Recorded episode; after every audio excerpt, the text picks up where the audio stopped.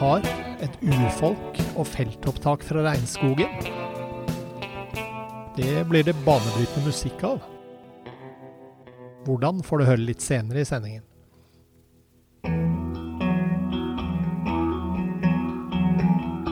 Og hva er det med folkeeventyr som gjør dem så levende?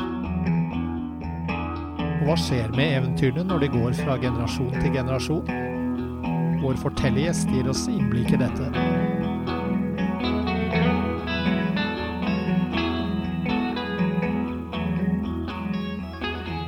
Du hører på Plottet, en podkast om kultur og formidling av nettstedet og magasinet Kulturplott. Mitt navn er Bård Andersson.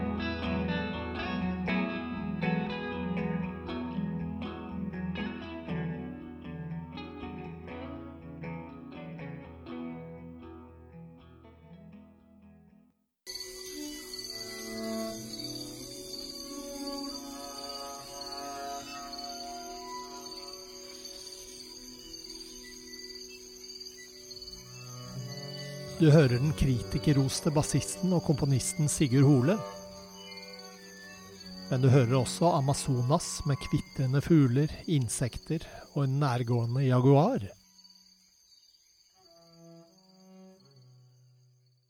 Du er eh, ute med nytt album, Lys mørke. Gratulerer. Tusen takk, så hyggelig. Og så har du laget verket Roraima. Kan ikke du fortelle litt om tanken bak det, og hvordan det ble til? Jeg skulle skrive et bestillingsverk for eh, Oslo World. Som egentlig var en konsert som skulle ha en, en utenlandsk gjest, en tunisisk oddspiller som heter Anwar Brahem. Um, det ble ikke så lett å gjennomføre pga. at ting var som de var. Så da bestemte jeg sammen med Oslo World i ja, det var eh, på, på vårparten like etter at, at alt stengte ned, at vi skulle lage vi skulle lage et bestillingsverk likevel, men det skulle være noe annet. Miljø og klima har vært viktig for deg i forbindelse med dette verket, ikke sant? Det er det absolutt, altså. Det kommer faktisk fra en, en dokumentarfilm som jeg så for i hvert fall to år siden. En fransk dokumentar um, som handler om, om, menneskets forhold til naturen. Og hvis jeg husker riktig, så heter dokumentaren 'Terra'. Fantastisk, sånn visuelt slående, vakker film. Um, hvor det er en sekvens helt i starten av filmen fra, fra Roraima. Eh, det er, altså, det er navnet på den nordligste staten i Brasil. Og det er også navnet på et sånt platåfjell, en tepui, som ligger i, i det området. Flere tepuier der på grensa mellom Brasil og Venezuela og Guyana.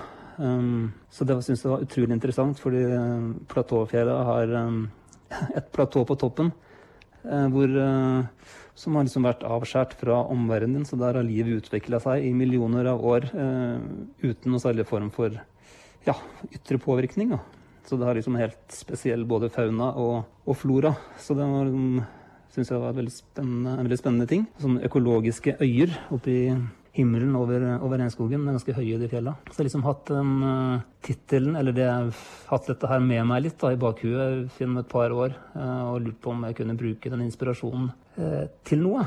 Uh, og så kom dette verket, og da begynte jeg å se, og gikk helt tilbake til den ideen for å se om det var noe som kunne som kunne brukes av den inspirasjonen jeg hadde fra, fra Roraima. Da. Og da kom jeg ganske kjapt over, egentlig. Jeg satt og googla litt der i var vel i april en artikkel i New York Times som, som handla om Yanomami-folket. Det er altså et urfolk i, i, Brasil og Venezuela som holder til i dette området. Eh, som da allerede var eh, hardt ramma av eh, covid-19-pandemien. Eh, så det ble det plutselig en veldig sånn aktuell link da, til, til den situasjonen som, som vi var i. Ja, så da begynte jeg rett og slett å sette meg litt inn i, inn i deres situasjon. Da, med hvordan de har det, hadde det da og fortsatt har det nå.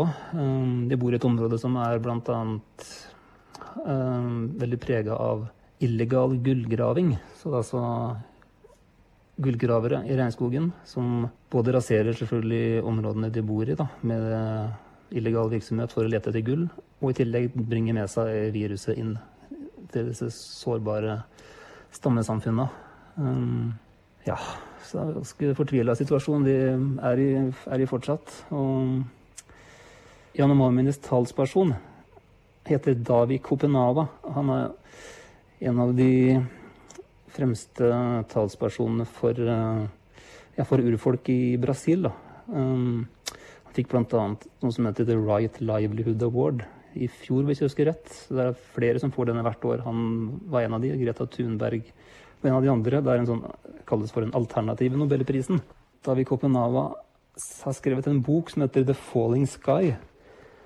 Eh, som han har eh, skrevet sammen med en antropolog som heter Prus Albert, en fransk antropolog. Så den boka leste jeg i vår i, under lockdown. En fantastisk bok, og det handler om Bl.a. om uh, hvor Kopenava forteller om Yanomami-folkets uh, skapelsesberetning og deres mytologi, da, og, som er veldig sterkt knytta opp, opp, til regnskogen og til naturen der de bor.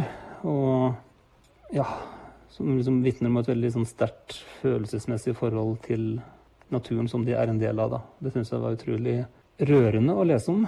Og i den boka så er det noen veldig fargerike beskrivelser av Janomamienes skapelsesberetning. Når jeg leste det, så vekka det med en gang eh, både visuelle og musikalske bilder eh, for meg, som jeg kjente at dette må jeg ta fatt i når jeg skal skrive denne musikken. For da plutselig falt det på plass noe som, som fikk en kunstnerisk betydning i dette her, da, som jeg kunne bruke uh, i et felt som jeg allerede interesserte meg for. da. Um, så jeg har rett og slett basert da, musikken til dels på tekster fra den boka. Uh, på konserten så fikk jeg lagd en, en veldig fin uh, trykksak som, hvor noen av disse tekstene står, da, som på en måte danner bakgrunnen for noe av inspirasjonen i, i musikken. Så er det også en, en, ting til ved dette verket som jeg har lyst til å nevne, som er veldig viktig, og det er at det inneholder feltopptak fra, fra regnskogen altså opptak av naturen, um, som er laga av en amerikansk ja, lydbildeøkolog. Hadde en idé om at vi kunne gjøre et samarbeid. og kunne bruke jeg hadde snakka med ham om å bruke noen av opptakene hans i, i et verk. Da. Han har altså reist verden rundt og dokumentert en hel haug med forskjellige naturlige habitat. Men rett og slett det han har gjort, er altså å gjøre lydopptak i naturen av, av naturlige lyder. Da. Eh, som har bl.a. vært med på å definere noen begreper som handler om lydene vi har rundt oss. Hvor um, biofonien, det er lyden av som blir laga av det biologiske livet, av dyr og insekter, fisker, korallrev, alt dette her. Og så er det ge geofonien, som er lyden av f.eks. vind i trærne eller bølgeskvulp, altså andre naturlyder. Og så er det antropofonien, som er de menneskeskapte lydene. I løpet av disse åra så har han, eh, som var en helt egentlig utilsikta effekt av det arbeidet han begynte med, eh, men han oppdaga at um, liksom, ja, de naturlige lydene, eller rikheten eller tettheten eller, ja, av lydene fra naturen, den går dessverre fort, eh, fort, nedover. Det vet du for så vidt fra andre, dokumentert på andre måter òg, men jeg syns det var litt interessant at det faktisk er noen som har dokumentert det i lyd, da, som på en måte er mitt uh, medium for å, for å, uttrykke meg. Så han har rett og slett dokumentert lydlig at naturen forsvinner rundt oss. Og han har i arbeidet vårt som jeg gjorde med, med Roraima, så i vår med den researchen jeg drev med, så fant jeg ut at han hadde noen opptak fra akkurat dette området. Så de opptakene fikk jeg tilsendt, og brukte ganske mye tid på å høre på det. Og det endte rett og slett med at, at uh, Plutselig så kom det en sånn fantastisk fuglemelodi. En, en fugl som sang en helt sånn enkel liten frase i, i h-moll, en veldig tydelig tonalitet som jeg plukka ned, og som ble liksom utgangspunktet for hovedtemaet i dette verket. Da, og egentlig for ja, mye av tematikken gjennom hele, hele, hele verket. At jeg har brukt det temaet på, på forskjellige måter. Da. Fra den ja, Red-bellied toucan heter den fuglen på engelsk. Jeg kommer ikke på hva det er på norsk akkurat nå. Nå vet ikke jeg om du er eh, like grundig hver gang du skal lage musikk, men eh, kan ikke du fortelle litt om hvordan du jobber når du lager musikk? og Om hvordan en typisk eh, arbeidsdag ser ut? Det begynner med e-post? Nei, det gjør ikke alltid det. Prøver Akkurat nå så prøver jeg faktisk å stå opp veldig tidlig. Det er en ny ting jeg har begynt med. For det, en typisk arbeidsdag er dessverre ikke mest komposisjon eller spilling. Det er mest kontorarbeid. Men jeg prøver nå å stå opp veldig tidlig hver dag og komponere litt hver morgen. Um, og da jobber jeg bare med lyd når jeg gjør det. Da er det ikke så mange andre tanker rundt. Um, men som du sa, så har jeg jo en sånn grundig forhold til dette her. Eller jeg har vel blitt glad i å, å um, sette musikken inn i en kontekst, eller å la, la, noe som jeg på en måte interesserer meg for, bli eh, grunnlaget for å uttrykke noe gjennom lyd. Da. Um, jeg syns det er en veldig inspirerende måte å jobbe på. Nå har jeg gjort det liksom veldig uttalt, både på lys mørke og på dette verket her. Um, så det har vært kjempefine erfaringer, begge deler. Um, jeg kjenner nå kanskje at det kan være fint å også lage musikk som handler enda mer om bare lyden i seg sjøl, uten at uh, man Man må ikke fortelle en historie hver gang, nødvendigvis, men, men uansett så er jeg nok Ja, jeg er i ferd med å bli veldig glad i den måten jeg jobber på. Da. Jeg føler at jeg er med på å gi retning og form til musikken. At jeg får liksom noen flere knagger å henge det på enn bare det lydlige. da. Det kan være en tekstlig inspirasjon, eller en som Lys mørke handla jo veldig mye om visuelle inspirasjoner. da, Fra, fra naturen oppe på, på Fleinvær, men øya utenfor Bodø, hvor jeg spilte inn musikken. Eh, det var jo på mange måter en enda lengre prosess. Da. Var jeg jo første gang høsten 2017 og jobba med å lydfeste soloimprovisasjoner til til bilder som jeg tok av forskjellige ja, naturlige fenomen på øya. Så ble det igjen Fikk det modnes et par år, så reiste jeg tilbake og lagde Lys mørke med stor grad med utgangspunkt i de klanglige ideene som oppsto da, da. Kan du ikke si litt om hvor viktig formidling er for deg, og om hvordan du klarer å formidle, og hva eh, i formatene som du jobber innenfor? Formidling er selvfølgelig veldig viktig. Det er da musikken blir levende. Det er da musikken, eh, det er da musikken oppstår, når, du, når, det du gjør, treffer noen i, i andre enden. Da. Og jeg tenker jo veldig ofte at jeg skaper musikken sammen med publikum. At de, ja, at de er veldig viktige for det som skjer. Da. Eh, at det er en definitivt en toveis eh, kommunikasjon i det. Og jeg er nok veldig bevisst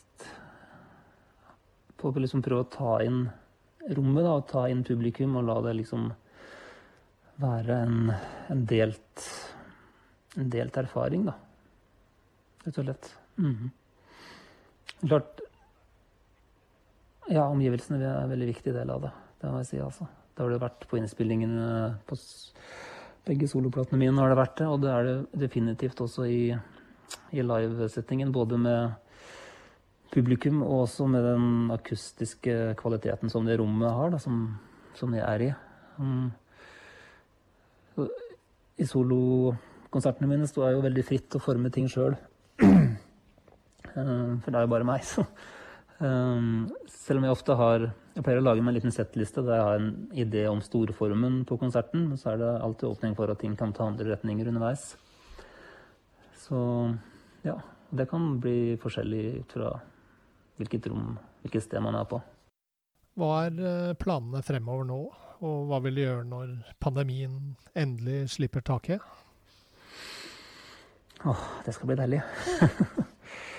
det ser vel ut som vi må leve med en litt til, i hvert fall. Så jeg håper jo da at jeg kan få, få spilt flere konserter. Med, jeg skal allerede ha noen konserter som jeg vet om nå i Norge i løpet av eh, i løpet av våren. Eh, både med trioen min og med Ruraima, dette verket. Og jeg skal også spille solokonserter, bl.a. på Mai Jazz. Um, I tillegg til de få konsertene denne vinteren og våren som vi nå skal inn i, så skal jeg bruke mye tid på å komponere, rett og slett. Lage ny musikk. Så det gleder jeg meg til. Jeg par fine prosjekt som, som er i gang allerede, som kommer til å framføres ja, neste år og 2022. Um, Ja, så det blir en slags parallell eh, drift med å jobbe mot de nye prosjektene med den nye musikken. Og forhåpentligvis da gradvis spille flere konserter med, med de andre bandene mine. Og, og med solo, soloprosjektet. Så det, det gleder jeg meg veldig til. Å få flere møter med publikum. Det skal bli bra.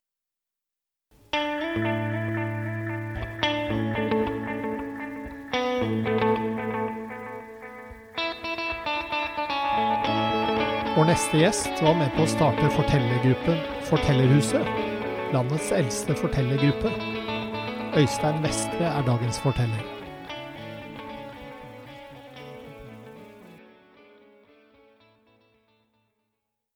Når var det du eh, begynte å interessere deg for eh, fortellinger, og hva var det som gjorde utslaget? Det, altså det, det, er egentlig fryktelig lenge siden jeg begynte å interessere meg for fortellinger. Det var egentlig eventyr som var utgangspunktet. Eh, for da jeg var liten, så fikk jeg en eventyrkassett til jul. Da var jeg sju år gammel. Eh, og det var den første ordentlige kassetten jeg hadde eid. Eh, og den sleit jeg nesten ut. Det var en som heter Bjarne Bø som la seg eventyr. Uh, og etter det så, så var jeg i grunnen jeg, jeg, kan den kassetten utenat enda, tror jeg. Jeg har ikke testa det, da, men, men eh, jeg ble så fascinert av de historiene og måten han fortalte på. Så jeg husker da jeg gikk i sjuende klasse, så skulle vi ha et eventyrprosjekt på skolen. Og da var jeg i, i, eh, første klasse og fortalte eventyr. Så egentlig så har jeg holdt på med det ganske lenge. Men så begynte jeg å jobbe som lærer i en steinerskole på begynnelsen av 90-tallet. Og der var jo også fortellerkunst en veldig sentral del av metodikken og innholdet. Så, ja, så da begynte jeg liksom for alvor. Og så tok jeg da eh, fortellerkunst på det som en gang het Høgskolen i Oslo. Eh, på begynnelsen av 2000-tallet. Og så har jeg i perioder arbeidet profesjonelt med fortellerkunst etter det. For alle fortellere in spe, eh, hva er det som kjennetegner en god eh, forteller, syns du? Eh, det handler mye om evna til å kunne se for seg, altså til å kunne visualisere og, og leve seg inn i det en ser. Veldig mange henger seg veldig fort opp i tekst og, og, og altså mer sånn det skriftlige. Eh, for meg så er det viktig at du har et klart og tydelig bilde av det du skal fortelle. At du ser det for deg, og at du bringer det til liv i fortellersituasjonen der og da. Da tror jeg du, du treffer publikum. Det høres litt sånn hokus pokus-aktig ut, men jeg har prøvd eh, fra mange forskjellige vinkler å karakterisere hva en god forteller gjør. Men jeg tror det koker ned til at du må ha så klare forestillinger om hva du vil si til de som lytter, at de kan se det levende for seg. Er det noe kjennetegn på uh, hvilke typer fortellinger som, som, du liker spesielt godt? Er, er, det noe du ønsker å trekke frem? Ja, jeg, som sagt så var jeg veldig glad i folkeeventyr i sin tid. Um, så det, det, det, henger meg fremdeles ved, men jeg liker veldig godt å høre andre fortelle om sjølopplevde ting. Jeg syns ofte ikke at jeg opplever så mye interessant at jeg har noe å fortelle om utover sånne rene anekdoter. Um, men jeg liker veldig godt, uh, jeg liker veldig godt uh, fortellinger som er fortalt fra person til person, og som liksom lever litt sitt eget liv der ute. Det syns jeg er fascinerende og spennende. Kan du si litt om eh, historien som du skal fortelle for oss i dag, og om hvorfor du valgte den?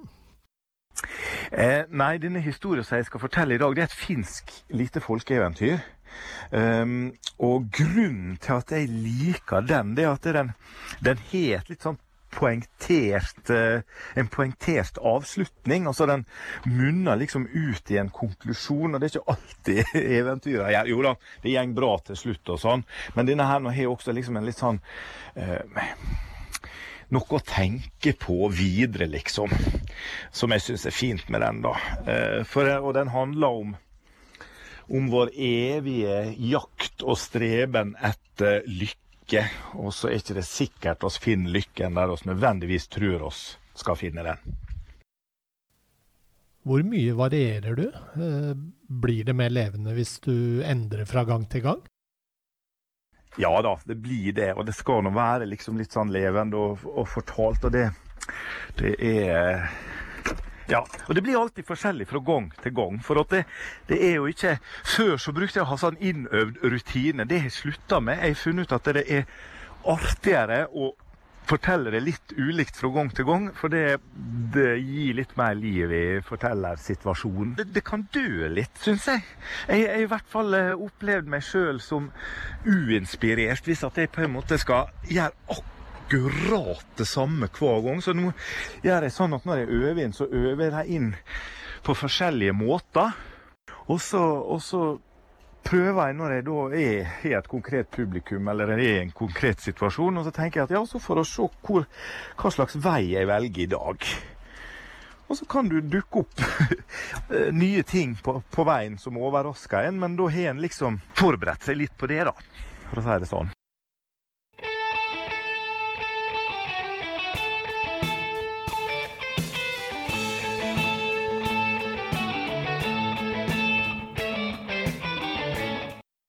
For det var en gang to bønder som var naboer.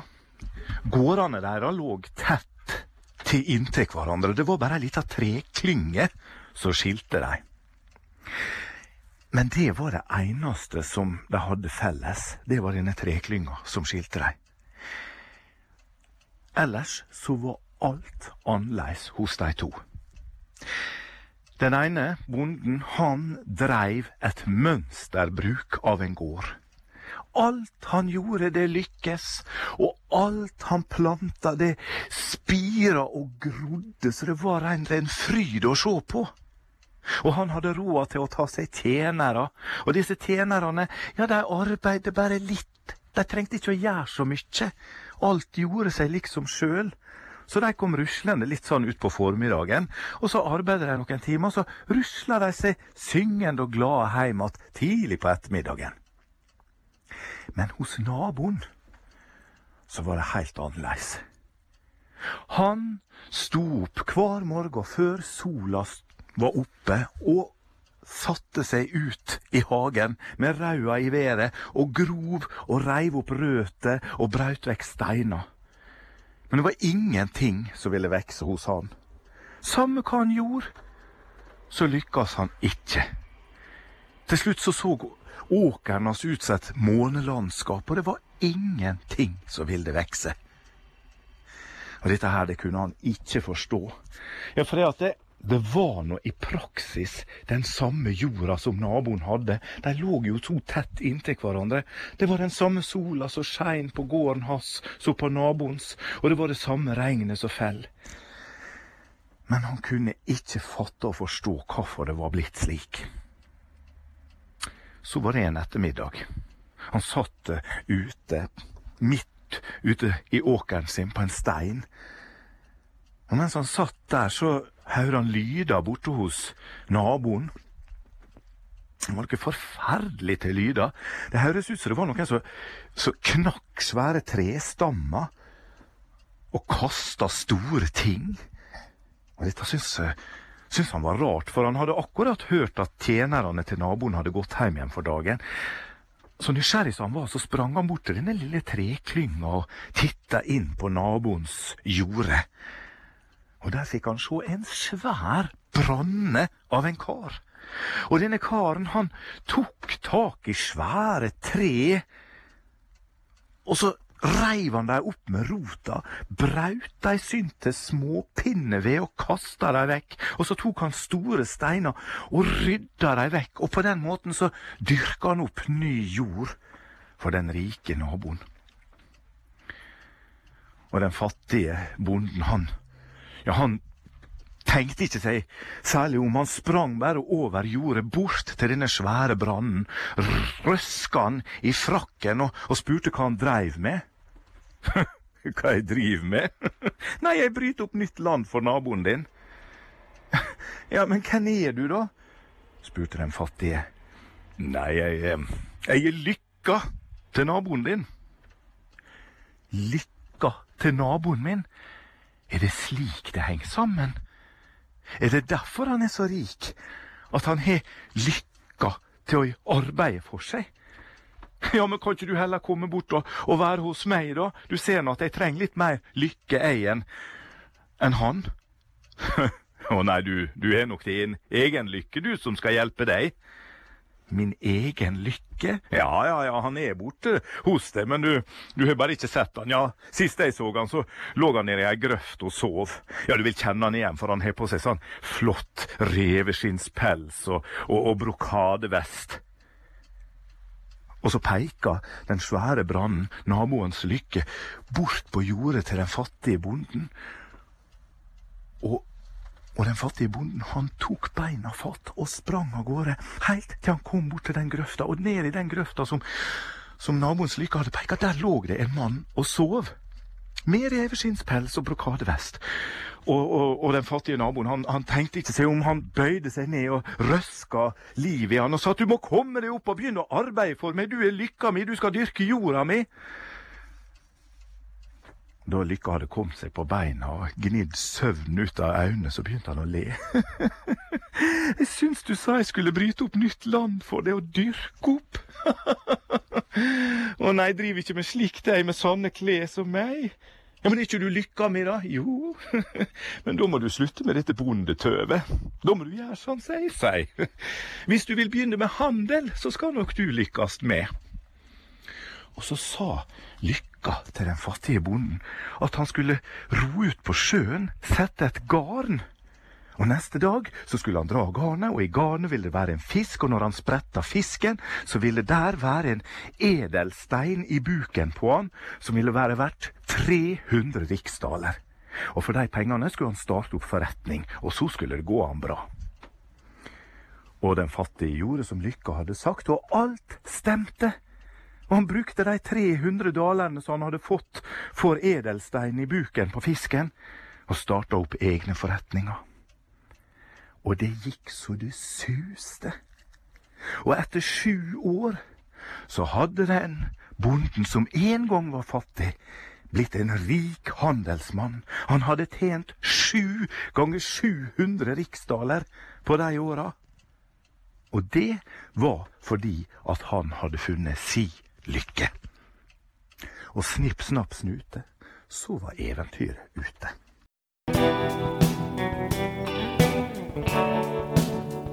Les daglige kulturnyheter på kulturplott.no, og få med deg dokumentarer, eksistensielt stoff og kultur i papirmagasinet Kulturplott. Plottet var ved programleder og teknisk ansvarlig Bård Andersson.